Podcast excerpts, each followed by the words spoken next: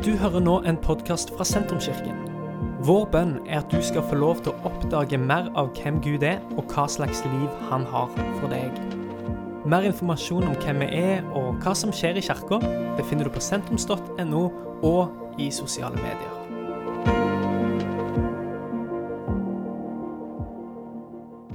Vi har jo en serie som vi kaller for Åndelig erfaring. Eh, og det er egentlig en serie som eh, på en måte er bakt inn i en litt så større tema som vi eh, sier handler om det åndelige mennesket.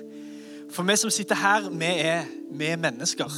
Eh, og det som skiller mennesker fra dyr, det er at vi har en ånd. Mennesker har en ånd, og det er det som òg gjør at mennesker har en eh, evig eh, og iboende verdi. Det fins en egen verdi i mennesket. Hvorfor? Fordi vi har ånden i oss. Har Guds ånd. Det står det fra første Mosebok at han blåste sin pust i oss. Han blåste sin ånd i oss. Og Det er derfor vi har evig verdi. Jeg har på meg to forskjellige sokker i dag. Hvorfor det? Fordi det er rockesokkdagen. Eh, hvis ikke du visste det. Eh, så vi feirer ulikhet og mangfold, og det er spesielt òg knyttet opp eh, mot eh, Downs syndrom. Eh, og at vi, vi, vi, ser verdien i alle typer mennesker uansett. Fordi at Guds pust er i mennesket. Og det er det som gjør at vi må kjempe for mennesker. Jeg blir sånn, eh, av og til litt sånn frustrert over alle som går i tog for pingviner. Og sånne ting. Eh, og det kan være bra, det. altså. Vi skal ta vare på skaperverket òg. Men mennesket Er det en ting vi skal kjempe for, så er det mennesket. For vi har Guds pust i oss. Så vi har en serie som snakker om å egentlig det å være et, eh, være et, åndelig menneske. Ikke bare at vi er fysiske og, og, psykiske og har et følelsesliv og har et sjelsliv, men vi har også et åndsliv. Vi er også åndelige mennesker. Vi kan også gjøre oss åndelige erfaringer. For Gud er ikke en død Gud, men Gud er en levende Gud. Gud er ikke en teoretisk Gud, han er en praktisk Gud. Gud er ikke en opptatt Gud. Gud er en tilgjengelig Gud. Gud han er her, og han er nå. Han er midt iblant oss. Det kom opp en trikant her som, eh, som illustrerer veldig fint eh, noe av den reisen som vi er på som, eh, som mennesker. Hvis, hvis, du er her inne og tror på Jesus, så er du på en sånn reise. Eh, en vekstreise. By the way, jeg vil si, Hvis du er her og du er ikke så vant til å være i kirka og du vet ikke helt om du tror, og sånn, du er velkommen. Du er på rett plass. Hvis du hører på podkasten og du vet ikke helt hvorfor du hører på denne podkasten, eh, jeg vil si til deg, du er velkommen, du er på rett plass. Eh, men jeg vil også si til alle, deg, alle, de som tror her, at du er på en sånn reise. Eh, en sånn vekstreise. Og vi liker å se at dette er en sånn disippelgjøringstrikant. Vi trenger alle disse dimensjonene av livet. Vi trenger evangeliet, at det får lov til å bli fundamentet for troen. Det fins ingen annen fundament enn det fundamentet som Jesus Kristus sjøl har lagt, som er hans død, hans oppstandelse. Det er fundamentet. All, all, vår tro, hele kristenlivet, alt er basert på den sannheten at Jesus døde for mine og dine feil. Eh, og han overvant døden. Det er evangeliet. Det er de gode nyhetene. Han har åpnet opp himmelen, eh, eller åpnet opp veien til himmelen, eh, sånn at vi vanlige, dødelige folk kan få lov til å ha relasjon med Gud. Det er fundamentet vårt. Det, det rokkes ikke ved. Men så er det noen sider av denne trekanten. Den ene kaller vi for praksiser. Det, er jo, det er jo alle eh, tingene som vi gjør med troen vår. Det er, jo, det, er jo, å åpne opp Bibelen sin, det er å bruke tid sammen med Gud, det er å komme på gudstjeneste, det er å gi. Eh, det er alle disse praksisene som vi holder på med. Og Hvis vi har et litt sånn bilde her i hodet av, vekst og planter, og sånt, for jeg har veldig grønne fingre eh, For de som kjenner meg godt, de vet det. Eh, så da er på en måte evangeliet det er liksom den gode jorden. Det er der vi planter oss. Vi planter oss i evangeliet. Når du, når du, blir en kristen, så planter du deg ikke i eh, et forbilde. Du, du, planter deg i evangeliet. Du planter deg ikke i en god følelse på en gudstjeneste. Du planter deg i evangeliet. Det er fundamentet. Men så fins det praksiser, og det er f.eks. gjødselen, da, for eksempel. I dette fine vekstbildet mitt. Eh, det er jo de tingene som vi gjør, som sørger for at å, eh, eh, det er noen sånne eh, beskjæringer. Sant? Det er veldig viktig å beskjære plantene av og til sant? for at det skal liksom bli sunt. Og, og, Det er praksisen vår, det er gjødselen, det er beskjæringen som gjør at måte, det, det, er en utvikling, det er sunnhet i dette. Jeg gjør noe med troen min. Og så har du en annen side som vi kaller for erfaringer. Og det er jo selve på en måte, det er jo, eh, det er jo I dette bildet her da, så er det kanskje sola, da, som gir liv til veksten, som sørger for at det er, at det er vekstvilkår, at det er sunt, at det er godt. Eh, og vet du hva? Erfaringen, det er den kraften som jeg og deg har i vårt kristne liv. Det er den eh, Altså, jeg sier ikke at, at, at eh, troen er bygd på erfaring. Troen er bygd på evangeliet. Men erfaringen er så viktig fordi at den er med og gir nytt liv, nytt, ny kraft inn i det som vi tror på. Eh, og det er det som er fokuset vårt disse eh, ukene her. Det er denne erfaringen. Vi trenger alle tre, men jeg tror vi trenger i vår tid akkurat nå snakke om at det fins en erfaring. For Gud er ikke en død Gud. Gud er en levende Gud. Gud er ikke en teoretisk, utelukkende teoretisk, intellektuell greie. Han er, han er han er praktisk, han er tilnærmelig. Gud er ikke opptatt av noen andre. Han er tilgjengelig for deg. 5. april 1796. Det var en dag som endra norgeshistorien. Men eh, kanskje først og fremst så endra det en mann. Det endra en, eh, en ung gutt som eh, som hadde vokst opp i denne skvisen. Kanskje så er det noen som kjenner seg igjen. Du vokste opp i en kanskje god, trygg familie, kristen familie. Og så blir du litt eldre, og så får du noen venner som ikke er liksom vokst opp sånn som deg. Og, og denne uh, unge mannen han befinner seg i denne skvisen. Han plutselig så finner seg sjøl, uh, drakk seg full og måtte liksom Hvem er jeg egentlig? Er jeg denne personen, eller er jeg den jeg trodde jeg var hjemme? liksom? Han, han bestemmer seg for å ta et valg. Nei, jeg vil hjem igjen. Jeg flytter hjem igjen. Eh, jeg vil være med eh, og bidra på gården. Jeg vil eh, følge Jesus. Så han begynte å studere ordet og begynte å ta nye steg sammen med Gud. Denne 5. april så er han ute på marken. Det høres ut som en historie for Bibelen, dette her, men det er ikke det. Det er fra Tune gård i Østfold. Så finner denne unge mannen seg ute på, på marken og jobber og synger, nynner egentlig, på en salme. Så skjer det noe som endrer denne mannen for all fremtid. Han får et møte med Gud. Og Han beskriver det sånn at det var nesten som en sånn der utenfor seg sjøl-opplevelse. Og så sier han at det var i dette øyeblikket at jeg forsto at Gud er god.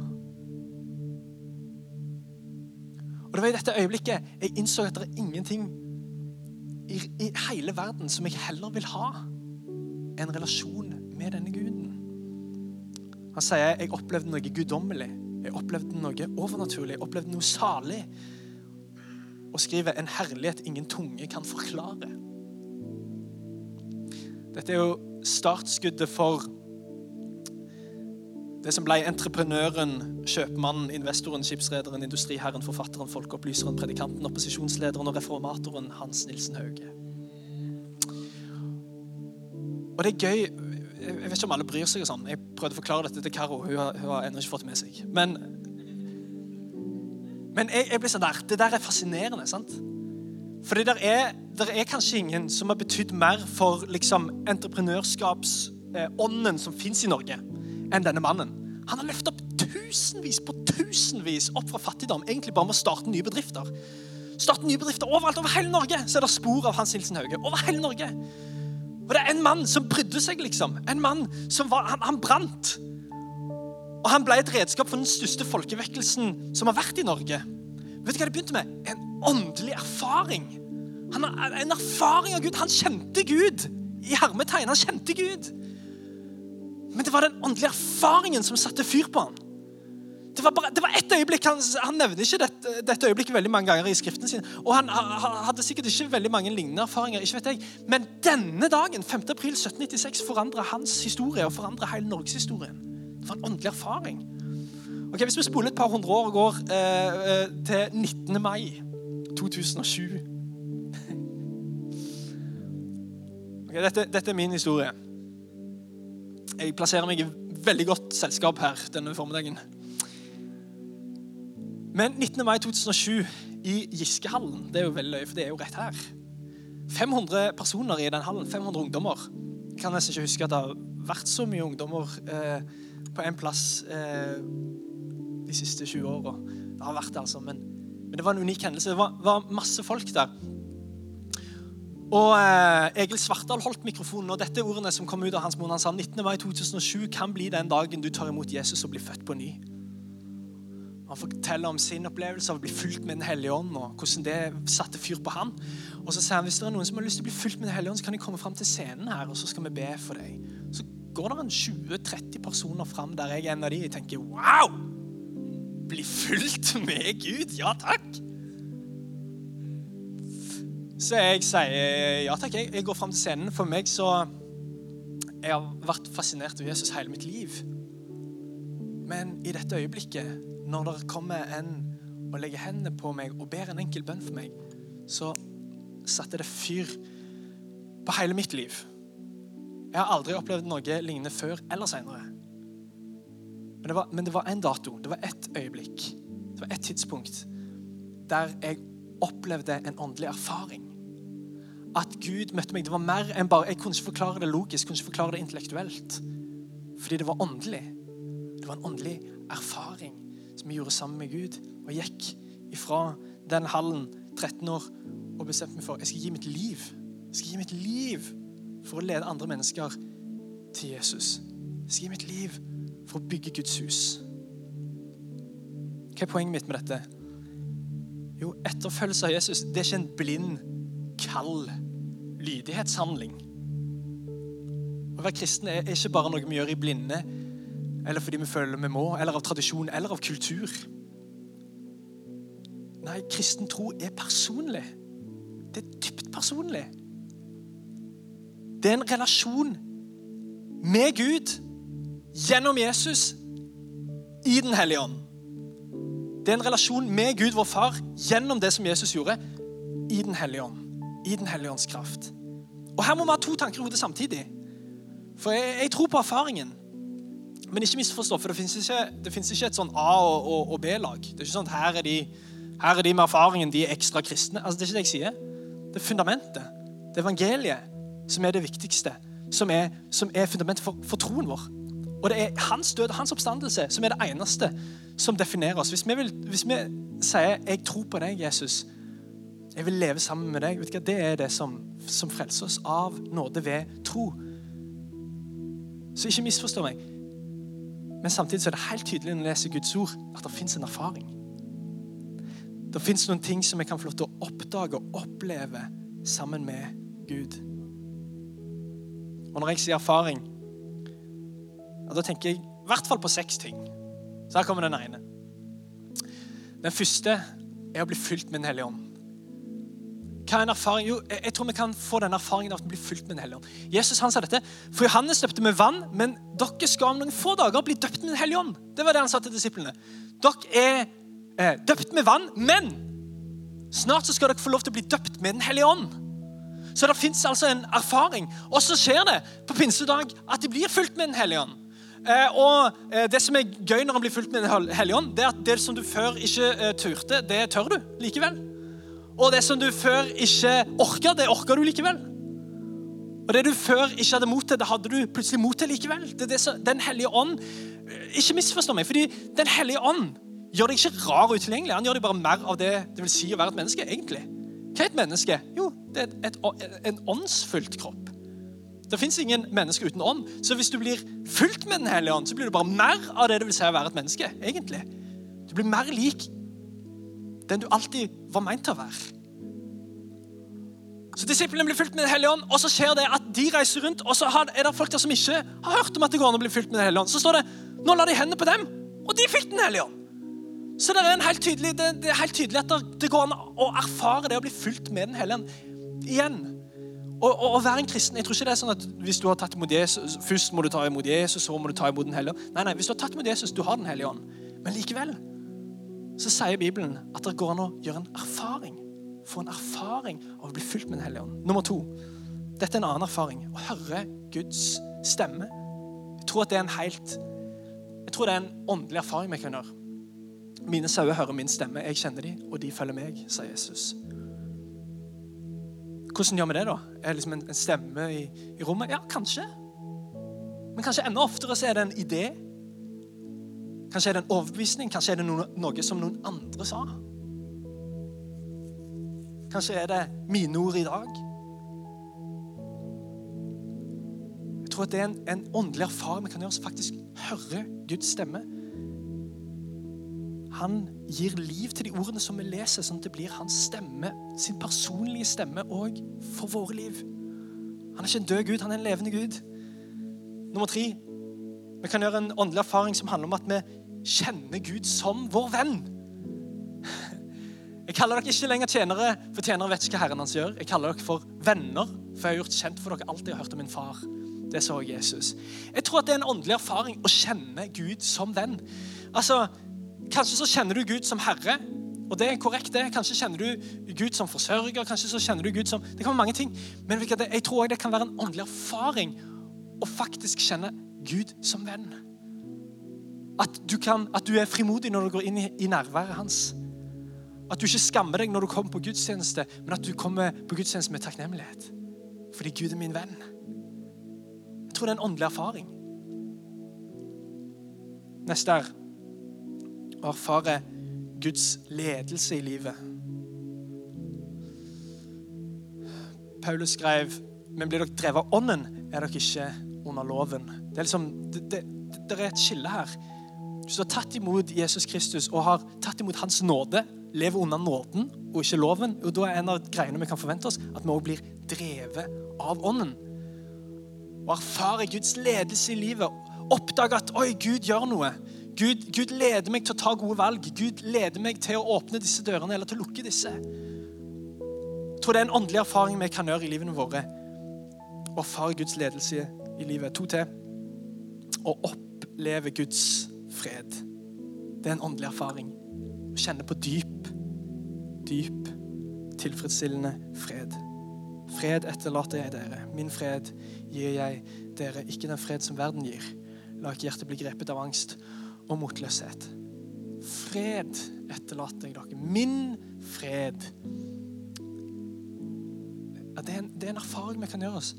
Å oppdage og leve i denne freden. Ofte når folk spør meg Thomas, hvorfor er du kristen, så er jeg fordi jeg er fredfull. Jeg er full av fred. Jeg er full av eksistensiell fred. Jeg vet hvor jeg kommer fra, jeg vet hvor jeg skal. Jeg er full av emosjonell fred. Det, det, er rolig i hjertet mitt. Jeg er full av relasjonell fred.